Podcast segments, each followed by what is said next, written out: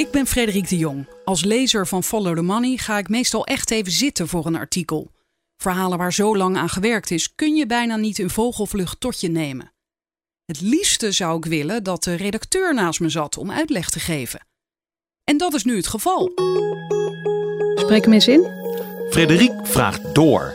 De podcast van Follow the Money. I know you're gonna dig this. Jan-Hein Strop, je artikel staat online. Waar gaat het over? Het gaat over de inmiddels beruchte Tesla-subsidie. Uh, Nederland rijden een heleboel Tesla's rond, omdat wij ervoor gekozen hebben om opnieuw um, uh, elektrisch rijden uh, fors fiscaal te stimuleren. Nou, dat is een beetje uit de hand gelopen. en achter dat, um, achter dat fiscaal stimuleren schuilt een zeker rekenmodel. want als je beleid maakt als overheid, dan moet je dat eerst allemaal doorrekenen. Nou, dat kun je, dat, dat kun je doen op basis van eigen modellen. Maar in dit geval is dat gebeurd op basis van een model van een externe consultancypartij, RevNext. En uh, wat blijkt, die, die, dat, dat model is, is, is wat heet een black box. Dus, dus de overheid weet niet precies hoe dat model eruit ziet. Uh, ziet alleen de uitkomsten. En die uitkomsten zaten er helaas een beetje naast. En even voordat ik je verhaal ga lezen. Uh, waarom zit jij opeens op de Tesla's? Want daar zat Roel Gooskens toch op? Ja, oh, Roel die heeft uitstekend werk verricht door, door heel goed te laten zien zeg maar, wat de effecten van die uh, uh, subsidie zijn. Maar toen kwamen er dus nog meer uh, kamervragen over deze materie. En de antwoorden waren dusdanig dat wij ja, geprikkeld waren, journalistiek geprikkeld waren om meer vragen te gaan stellen aan de ministeries, aan de betrokken consultancy, aan omstanders. En, ja, dat, en aan TNO bijvoorbeeld, die ook kennis heeft van, dit, van deze materie. Nou, en dat leidde dus tot een aantal nieuwe inzichten. Eigenlijk onverwacht ook, hè? Ja, ik, we hadden uh, een stuk geschreven, althans er waren een stuk in voorbereiding hadden we over RevNext. Omdat het interessant is dat, dat de overheid zo vertrouwt op zo'n kleine partij die ook voor Tesla werkt.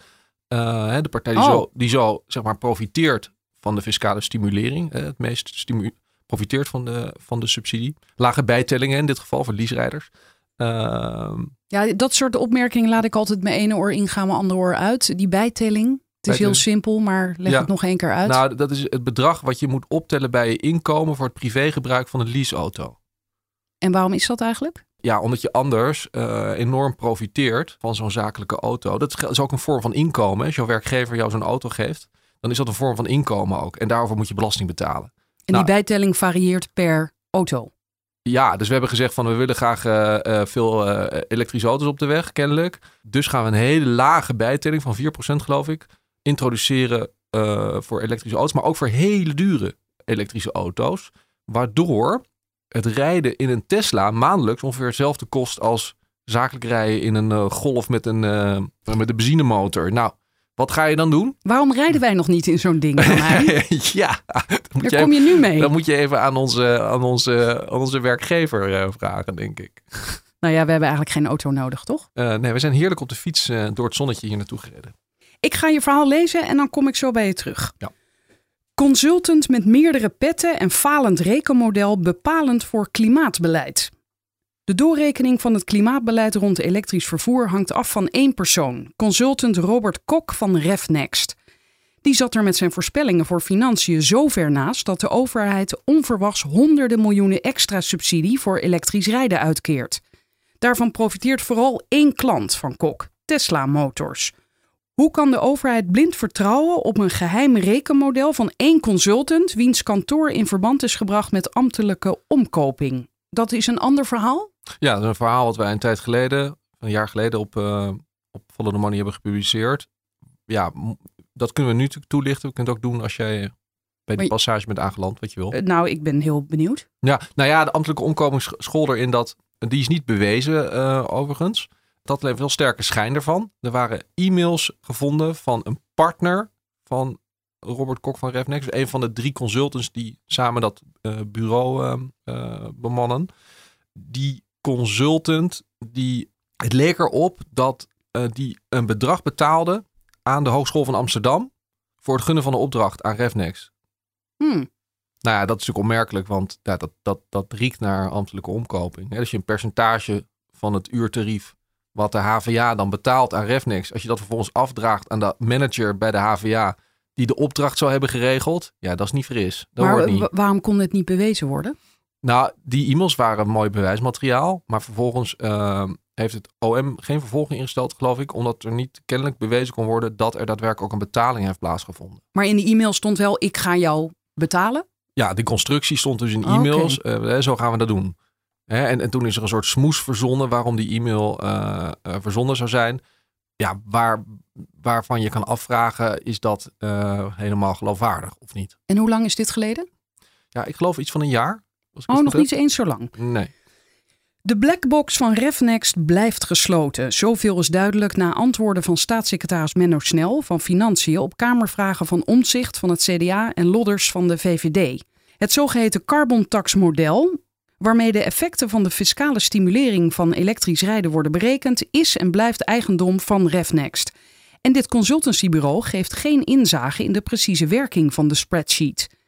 Daar ligt snel zich bij neer. Zo ook het Planbureau voor de Leefomgeving, het PBL, dat voor doorrekening van de mobiliteitsplannen van het Klimaatakkoord volledig leunt op het geheime rekenmodel. Dat is niet hoe het PBL normaal gesproken functioneert, beaamt een woordvoerder. Je hebt die woordvoerder gesproken. Ja, meerdere malen. En eh, gaf hij dan aan waarom. Want hij zei dus zelf: Nou, normaal doen we dat niet, maar nu opeens wel. Ja, het is nog steeds een beetje een raadsel uh, waarom er voor deze werkwijze is gekozen. Die ja, contrasteert, zou je mogen zeggen, met de normale gang van zaken. Als het model goed zou presteren, dan kraaide er vermoedelijk geen haan naar. Maar het carbon tax model heeft de effecten van subsidie op elektrisch rijden schromelijk onderschat. Er zijn in 2018 25.068 elektrische auto's verkocht. Dat is 120% meer dan voorzien. Dat kostte circa 200 miljoen euro aan gemiste bijtelling en andere belastingen. Een overschrijding van 59 miljoen ten opzichte van het verwachte budget van 141 miljoen, zo schreef de staatssecretaris aan de Kamer. Dat bedrag zal de komende jaren verder oplopen, aangezien Tesla-rijders meestal vijfjarige leasecontracten aangaan. Ga maar uit van vele honderden miljoenen aan gederfde belastinginkomsten, zo schreef RTL Z. Het merendeel van de subsidie ging vorig jaar naar de verkoop van twee autofabrikanten, Jaguar en Tesla. De laatste was tot voor kort de enige in het segment van luxe elektrische auto's. Van de 44.984 elektrische auto's die eind vorig jaar in Nederland rondreden, waren ruim 17.000 peperdure Tesla's van de modellen S en X. Eerder analyseerde Follow the Money de effecten van deze subsidie. Ja, dat is het verhaal van de Roel Gooskens. Kamerlid Pieter Omtzigt van het CDA is heel kritisch over de kwestie en snapt niet dat het ministerie van Financiën de plank zo mislaat. Hij zegt tegenover Follow the Money: Als je voor hetzelfde maandelijks bedrag in een Tesla kan rijden in plaats van in een Golf, wat kiezen mensen dan? Als je een superieur product, Tesla, goedkoper maakt dan een inferieur product, dan krijg je een omslag. Maar deze gedragseffecten lijken geen onderdeel te zijn van het model. Dat is niet verantwoord. Hoe voorzien je dit? Ja, middels is er ook iets toegevoegd aan dit artikel. Ik zie hier een inzetje met inderdaad een foto van een uh, rode Tesla. En daar staat boven uh, TNO, dubbele punt, rekenmodel voor subsidie elektrisch rijden in klimaatakkoord is ongeschikt. Ja, dus de, de kwestie is dus niet alleen dat het rekenmodel zich uh, vergist heeft in 2018. Hè, dus dat, dat je zag die, die 120% overschrijding. Hè, dus op hele korte termijn is het dus misgegaan. Uh, maar wat TNO ook, ook heeft gezegd van jongens, jongens, let nou op. Je kunt wel het klimaatakkoord mobiliteit gaan doorrekenen met dit model. Maar dat tot 2030 slaat zo'n doorrekening eigenlijk werkelijk nergens op. En nu parafraseer ik in mijn eigen scherpe bewoording wat TNO op een wat mildere manier natuurlijk heeft uh, gezegd. Maar de boodschap was niet minder om. En je zegt, jongens, dat kan niet. Hè? Straks, straks gaat die markt, uh, de stimulering van die markt gaat verschuiven van zakelijk leaserijden ook naar de particuliere markt, zodat jij en ik ook met, met een subsidie een elektrische auto kunnen kopen. En hij zegt, ja, daarvoor is dit, dit instrumentarium is niet geschikt. Dat zegt TNO. In welke fase is dat rekenmodel aan hen voorgelegd? Nou, zij zijn betrokken geweest bij een, e-, wat heet een evaluatie van het model vorig jaar. Dat is niet wat anders dan een wetenschappelijke validatie. Dan mag je echt helemaal het model in en alle ins en outs leer je dan kennen.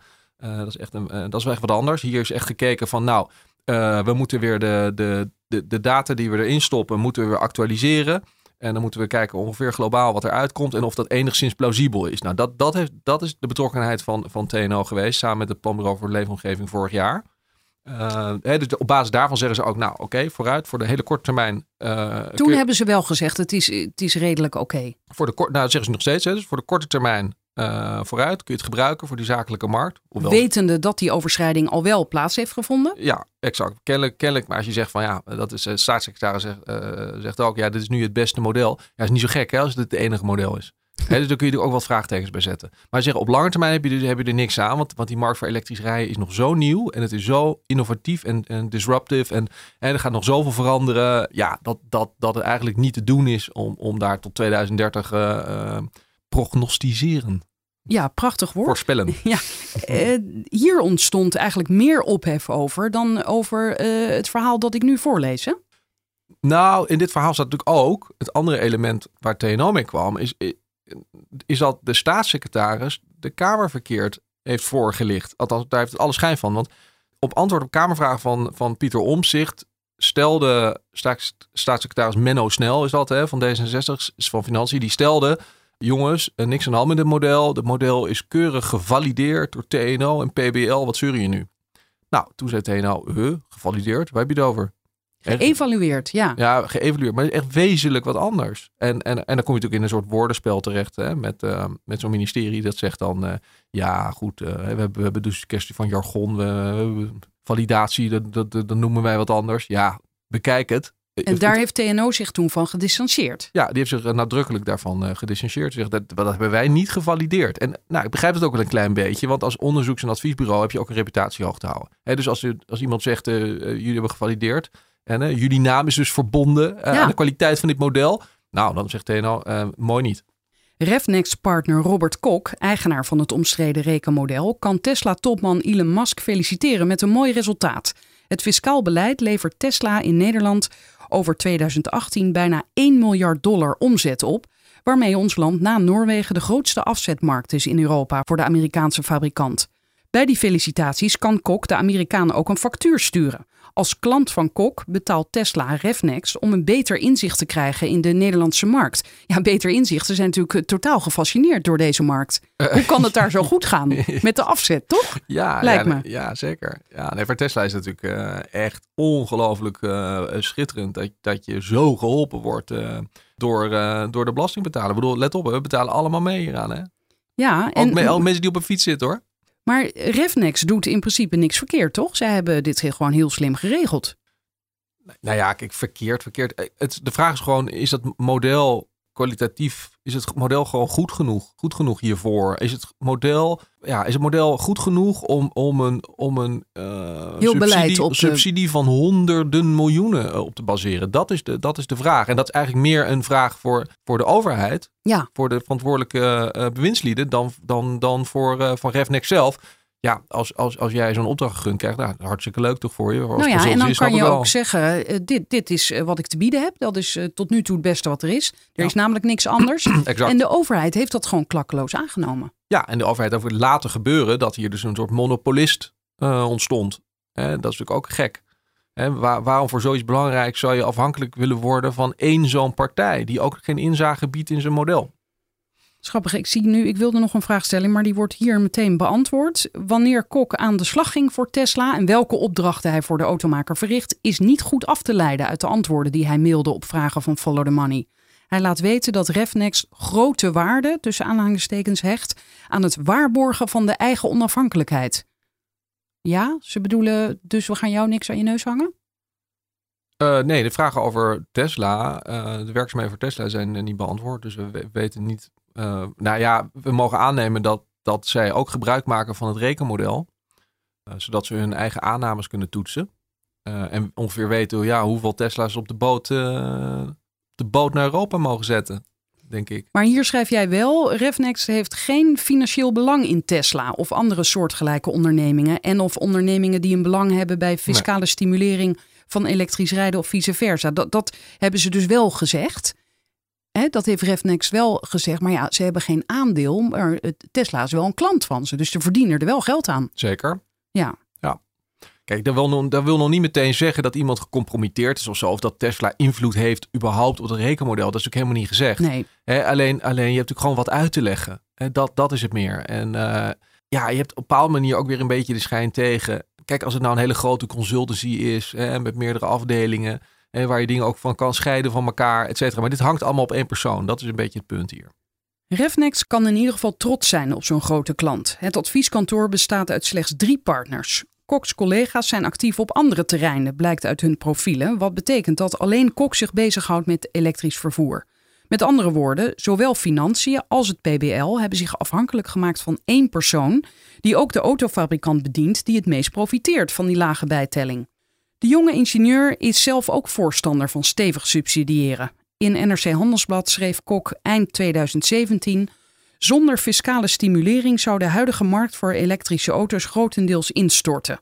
De lage bijtelling voor emissievrije auto's kan daarom na 2020 niet direct, maar slechts zeer geleidelijk afhankelijk van de ontwikkeling in de markt richting de standaard 22% worden afgebouwd. Hij had een uh, ingezonden brief of zo? Ja, op de opiniepagina van de NRC. Hij maakt ook bezwaar tegen het feit dat wij hem voorstander noemen van fiscaal subsidiëren. Vindt hij een onjuiste karakterisering van. Uh... Waarom? Ja, dat vond ik ook heel merkwaardig. Uh, ja, als je dat op opiniepagina schrijft, dan vind je dat toch. Maar hij zegt nee hoor, ik ben helemaal beleidsneutraal. Het is alleen Hè, als je zegt, als, als, dat, als de bedoeling is dat er veel elektrische auto's komen, dan moet je het zo doen. Het is niet zo dat ik voorstander ben. Nou goed, dat, eh, ja, dat was het bezwaar. Maar wat dan. Kijk, eh, wat mij betreft ben je, als je zoiets opschrijft, dan, ehm, dan vind je het kennelijk heel noodzakelijk om, uh, om stevig te subsidiëren. Dat is het enige wat ik kan concluderen. Emissievrij is een Tesla alleen als je kijkt naar de uitstoot van de auto, zoals Kok zelf ook weet. Het opladen van de auto is niet zo schoon. Eind 2018 werd 83% van onze elektriciteit opgewekt uit fossiele energiebronnen. De CO2-reductie van elektrische auto's verkocht in 2018 is daarom beperkt en kostbaar. Gemiddeld 1700 euro per vermeden ton CO2. Ter vergelijking, één CO2-emissierecht kost nu zo'n 23 euro per ton. Wacht even, dit zijn heel veel getallen. Dus wat wil je hiermee zeggen? Dat de subsidie op elektrisch rijden, uh, zeg maar het CO2 uitstoot die je daarmee bespaart of vermindert, dat dat per eenheid, per ton CO2 een hele dure aangelegenheid is. Dat, dat, is het eigenlijk. Hè? Want en dus zinloos? Je zou ook bijvoorbeeld, hè, alternatief is dat je dus voor 23 euro per ton die eh, emissierechten gewoon koopt op de Europese markt. Ja, dat is dan eigenlijk afkopen, toch? Ja, dan koop je die gewoon op de Europese markt. Nou, die zijn dan niet meer beschikbaar. Ja, dat, dat kost 23 euro. Kost 23 euro. Ja, maar dan moet je toch even uitleggen met die emissierechten. Uh, hoe werkt dat ook weer? Ja, er is een, een, beperkt aantal emissierechten en die worden verhandeld en die hebben een bepaalde prijs. Want we willen dat er maar een beperkte uitstoot is. Ja, exact. Is we, willen, we, we, willen natuurlijk uiteindelijk een soort prijs zetten op die, op die uitstoot. Dat is de bedoeling. En hè, daar, daar is natuurlijk nu nog meer discussie over in het kader van het klimaatakkoord. Er is nu een politieke onrust over CO2-tax. Hè, om die gewoon in te voeren naast het emissiehandelssysteem. Omdat die prijs gewoon van die emissie... eigenlijk. Ja, die, die prijs van die emissierechten is gewoon veel te laag. Dat, dat stimuleert te weinig tot, tot efficiëntie en ja, tot andere manieren van produceren. Dat, dat is echt een probleem. En, en, maar maar hè, er is dan de oplossing hè, om 1700 euro per vermeden ton CO2 uit te geven aan elektrisch rijden. Je kunt je gewoon afvragen, kunnen we dat geld niet op een veel doelmatiger manier besteden aan andere technologie Waarmee we dus veel meer CO2 besparen. Dat is de vraag. Kok vroeg zich in NRC wel af of nieuw stimuleringsbeleid leidt tot risico's op overstimulering of grote belastingderving, zoals afgelopen jaren soms het geval was. Het antwoord op deze vraag kennen we inmiddels. Welke rol het carbon daarin speelt, blijft schimmig, ondanks het feit dat de overheid sinds 2011 ruim 9 ton in de ontwikkeling van het model heeft gepompt. 9 ton. Ja, bij drie verschillende opdrachtgevers heeft Kok eraan gewerkt.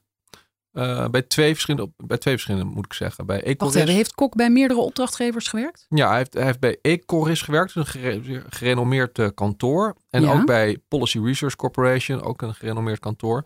En bij, bij die beide werkgevers heeft hij gewerkt aan dit model. En heeft de overheid al geld besteed aan de ontwikkeling van dit model. Oké, dus, dus, hij was al voordat uh, hij bij dit bureau zat betrokken bij dit hele beleid. Ja, Exact. Hij zit er al jaren zit hij erin. Hij is echt de enige die zich hiermee bezighoudt. Nee hoor, er zijn al meer clubs. Oké. En hier staat dan een kader. Hoe de overheid ruim 9 ton verspijkerde aan externe consultants. Hier leg je het helemaal uit, maar net heb je het al in het kort gezegd. Het zijn dus drie partijen. Al die tijd is Kok betrokken geweest bij de ontwikkeling van het model. Eerst bij Ecoris, toen bij Research Policy Corporation en daarna bij zijn eigen club. Ja, dat zei je net.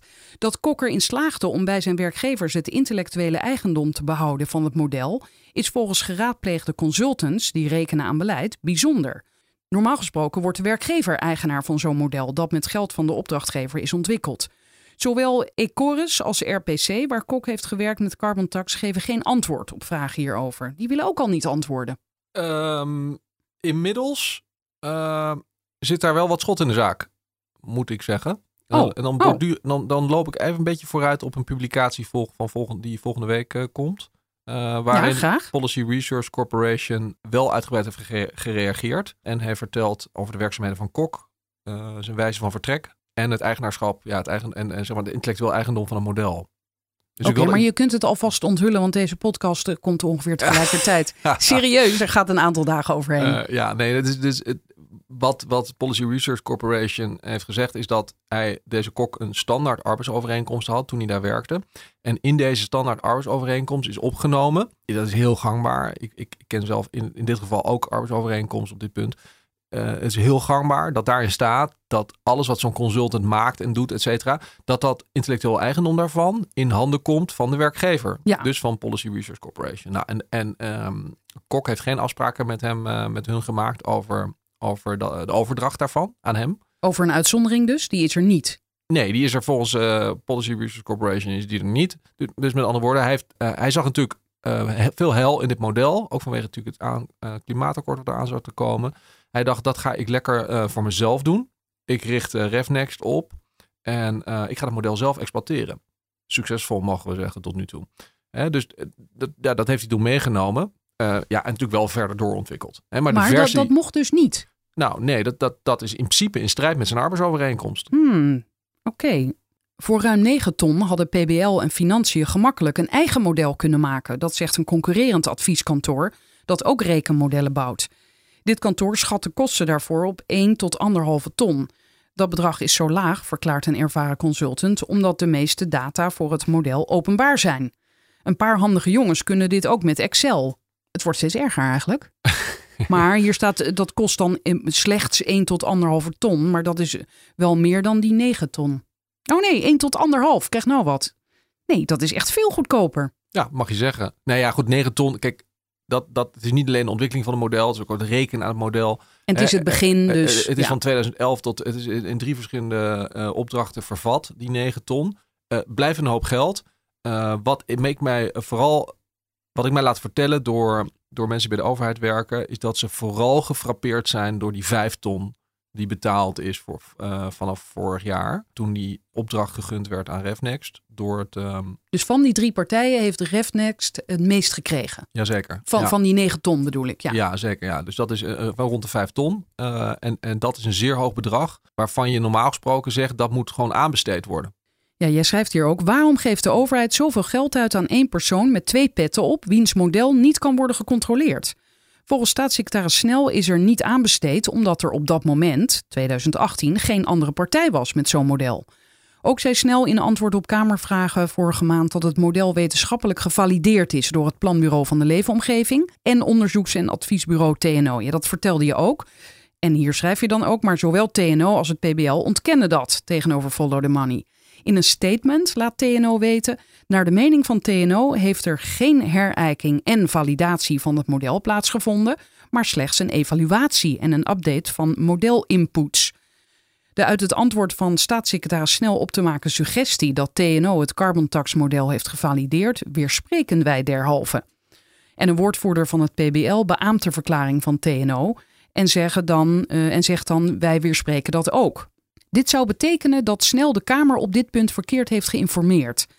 Kamerlid Pieter Omtzigt noemt de kwestie zeer ernstig. In de brief van de regering was dit onderzoek door TNO de enige halve validatie die zou hebben plaatsgevonden. TNO bevestigt dat er een update geweest is van de input. En dat is logisch na een paar extra jaren verkoopcijfers, maar TNO weerspreekt glashard dat er een validatie geweest is. En dat laatste is cruciaal. Ja, misschien is het aardig om te vermelden dat, dat Omzicht natuurlijk niet heeft stilgezeten naar publicatie van dit artikel.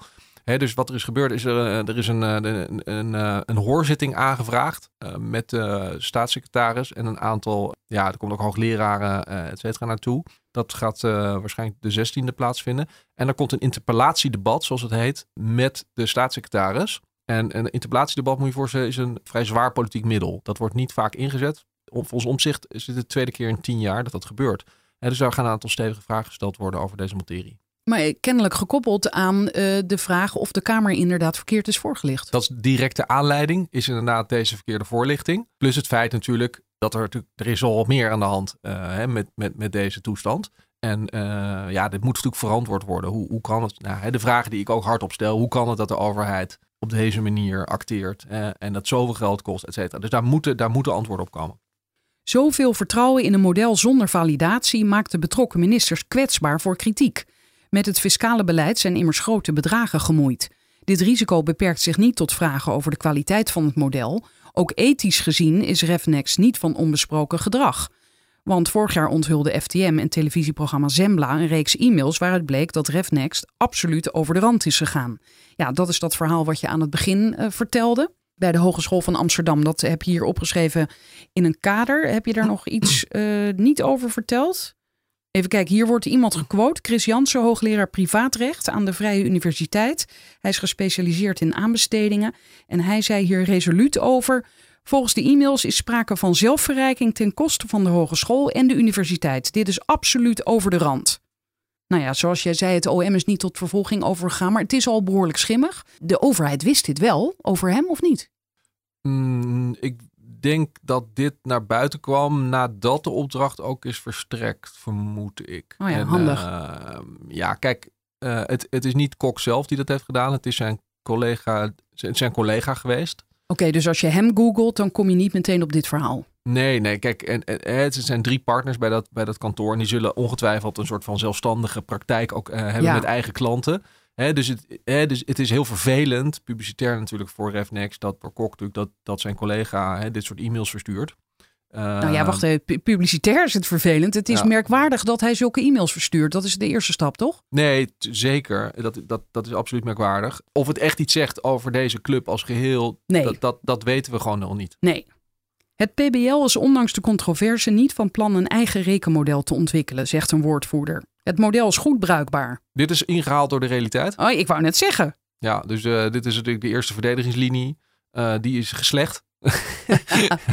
dus we zijn inmiddels... Niks aan de eh, hand. De eerste verdedigingslinie is altijd, er is niks aan de hand. Nee, nou Gaat ja, heel goed. Ja, dat is natuurlijk, en dat, dat is niet altijd sterk. Je, soms moet je wat de Amerikanen noemen getting ahead of the story. En, eh, en, maar dat hebben ze niet gedaan. Eh, maar nu heeft de minister eh, vorige week, of de staatssecretaris, inmiddels een brief gestuurd waarin duidelijk is gemaakt dat er een eigen model komt. Dus, dus dat Refnex-model is op, weg naar de, op weg naar de uitgang, denk ik. Maar jij schrijft hier wel, het contract met Refnex loopt tot 2020. Ja, nou dat zullen ze kunnen uitdienen. En eh, tegen die tijd. Nou, uitdienen, je bedoelt ze krijgen betaald, maar ze mogen toch niks meer berekenen, neem ik aan. Eh, nou, dat weet ik niet. Er Oh. is nog steeds, eh, het vertrouwen in dit model wordt nog Oh. steeds op, uitgesproken, ook hardop. Hè? Terwijl partijen als TNO zich hebben gedistanceerd. Ja, dus voor de. Nou ja, maar niet voor de korte termijn nogmaals. Hè. Dus Ja, TNO zegt ook ja. nadrukkelijk, en dat willen ze ook heel graag nadruk, dat wij dat Oh ja. nadrukkelijk melden. Op de korte termijn moeten we het hiermee doen. Maar eh, voor mij als leek klinkt dat als, oké, de korte termijn, dan verliezen we wat geld, maar dat vinden we niet zo erg. Wat bedoel je, verliezen we wat geld? Nou ja, als die prognoses anders zijn, dus hè, die 120 Ja. eh, Tesla's die zijn verkocht in plaats van 100% eh, dat kost dus meer geld voor de overheid. Eh, dat is de korte termijn. En kennelijk vindt de overheid dat niet zo erg. Nou, ik, ik denk eerlijk gezegd dat de aannames die hier gedaan zijn en ook de uitkomsten en ook de getallen die nu genoemd worden, het concept klimaatakkoord, dat je die getallen met een, eh, hoe zeg je dat? Met Korreltje zout? Ja, met een, Een bak nou, zout? met een hele grote bak zout eh, moet nemen inmiddels. Hmm. En ik, dat lijkt me echt heel lastig. Ik, ik, ik denk dat het kabinet ehm, niet stug kan doorgaan met de voorgestelde, in het concept klimaatakkoord, voorgestelde 12 miljard uitgaven aan elektrisch rijden op deze manier. Ik, ik, ik denk dat er, daar moet ook een hele, hele stevige onderbouwing nu voor gaan komen. En, eh, hè, want die 12 miljard voor hetzelfde geld is 24. Hè? We, we don't know. En dat is natuurlijk het probleem. En, en niemand, wie vertrouwt dat nog, dat cijfer? Maar als zij gaan werken met een nieuw rekenmodel, dan, dan gaat dat dus weer langer duren ook. Tuurlijk, alleen dat gaat zeker even duren, maar mag het ook wel even? Hey, Nee, als het lijkt 12 mij heel miljard- als we- goed, Als we maar 12 ik- miljard gaan uitgeven. Maar ik vraag me af, heeft dat, eh, welk effect heeft dat op het klimaatakkoordbeleid? Nou, dat, dat, dat, dat weten we dus nog niet precies, eerlijk gezegd. Dat moeten we echt afwachten de komende weken. Wat daar de reactie gaat worden van het kabinet, dat weten we nog niet. Maar goed, ik, ik denk dat, dat dit cijfer, die 12 miljard, dat die niet houdbaar is. Ja, dus zoals je zegt, voor de korte termijn eh, blijft dat rekenmodel dat is gebruikt nog even gebruikt worden. En dan schrijf jij voor de dure Tesla-modellen en de Jaguar I-Pace is dat niet meer zo gunstig. Want de regeling is met ingang van 2019 wat versoberd. Ja, maar je zag dus wel dat, dat, dat hoe, hoe ontzettend gevoelig die Nederlandse leasemarkt is voor eh, fiscale stimulans. Die, die, die iPace werd geïntroduceerd als concurrent van die Tesla, als enige concurrent zo ongeveer. En boom, weet je wel, enorme verkopen. En eh, nummer twee geloof ik eh, eh, naast die Tesla. Je ziet ze inderdaad inmiddels ook regelmatig rondrijden. Hè, dus dat is, ehm, ja, het schitterend voor, voor Jaguar. Eh, maar, maar er gaat inderdaad nu een versobering plaatsvinden, alle kritiek en terecht. Ja, dus nu gaan we, de Model 3 hè, komt nu geloof ik van Tesla. De Model 3. Ja, het massamodel. Maar nog even over, heeft Refnex, denk je ook, is Jaguar ook een klant van hen? Nee, dat geloof ik niet. Oké. Het zal weinig belemmering vormen om de Tesla Model 3, Model 3, het goedkopere massamodel in grote getalen aan de man te brengen. Door de grens voor de 4% bijtelling op 50.000 euro in plaats van bijvoorbeeld op 40.000 euro, de verkoopprijs van de meeste concurrenten te leggen, rolde het ministerie van Financiën de rode loper uit voor de introductie van dat model 3 in Nederland, merkte analist Roel Gooskens eerder al op voor Follow the Money. In februari van dit jaar was dat model al goed voor 22% van alle elektrische autoverkopen in Nederland. Ja.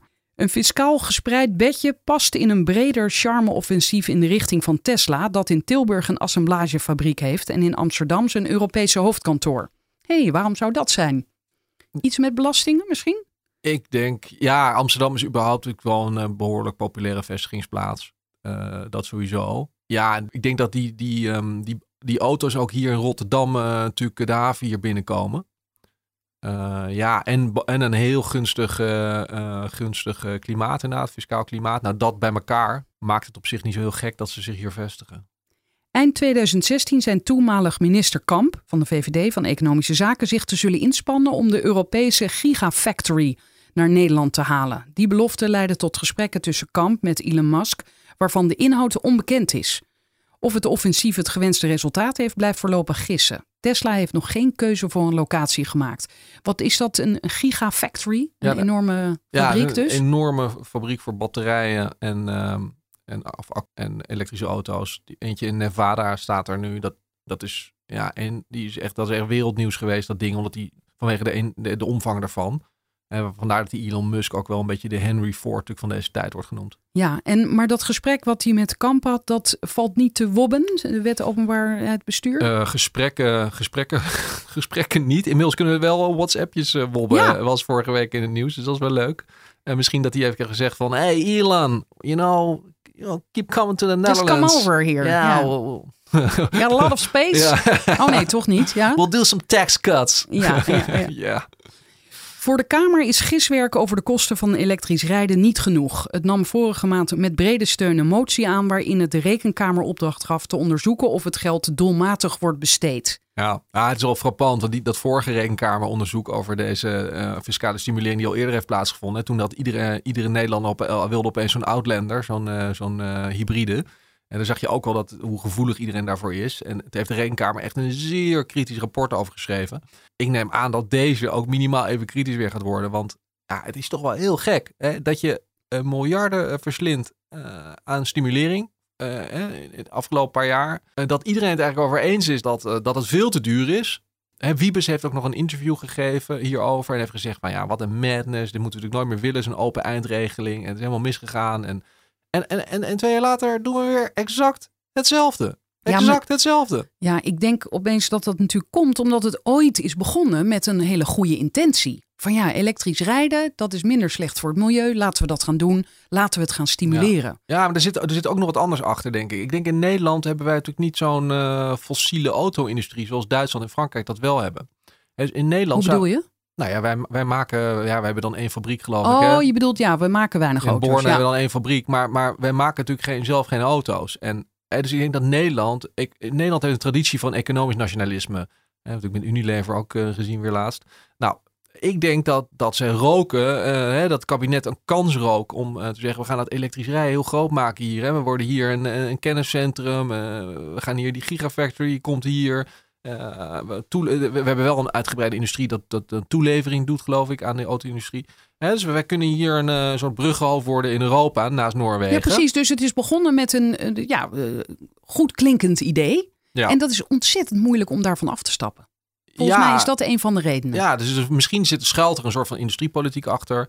Uh, we weten nogmaals, we weten niet wat tegen Musk gezegd is, wat er beloofd is, geen idee. Ja, en zo'n droom kennelijk maakt. En bovendien kwam het klimaatakkoord er ook nog eens een keer bij. Hè? Dat, dat moest natuurlijk onder druk snel uh, tot resultaat uh, moest er worden gekomen aan die sectortafel mobiliteit, zoals het heet. Ja, en, en toen is dus kennelijk in de haast en onder druk gebeuren dus dit soort dingen. Ja. En ga je dus op een manier uh, dit soort dingen berekenen die echt volstrekt ongebruikelijk zijn. Want hey, ik heb het ook aan het Centraal Planbureau gevraagd. te zeggen, nou ja, een niet gevalideerd model op basis van Excel-sheets. Ik bedoel, dat is echt madness. Weet je wel, dat, dat, dat onbestaanbaar dat het CPB op deze manier dingen doorrekent. Onbestaanbaar. Nou, ik denk dat die droom nu inmiddels wel voorbij is. Nou, ik denk, kijk, ik denk dat die transitie naar elektrisch rijden, dat dat natuurlijk op zich helemaal niet zo heel gek is als dat onderdeel uitmaakt van je klimaatbeleid. dat kan natuurlijk heel gezond zijn. Alleen is de vraag van ja, waarom moeten we kiezen voor zo'n Tesla-subsidie? Zouden we bijvoorbeeld ook iets kunnen verzinnen wat wat minder uh, verstorend is. En uh, wat misschien ook uh, mensen helpt die wat minder te besteden hebben. Die gewoon een betaalbaar elektrisch autootje willen hebben. Hè? Waarom worden alleen, waarom worden vooral zeg maar, hè, vermogende mensen geholpen hiermee? Nou, in feite is dat gewoon een, um, daarmee, daarmee verschuif je in feite lasten van arm naar rijk. Hè? Dat, dat is de discussie die je hierachter ook nog zou kunnen zien. Nou ja, de vraag is van, ja, moet je dat willen? Ja, dat is een politieke keuze natuurlijk. Dankjewel. Graag gedaan. Wil je weten wanneer een nieuwe aflevering online staat? Schrijf je in voor mijn nieuwsbrief. Die vind je bij ftm.nl slash Frederiek.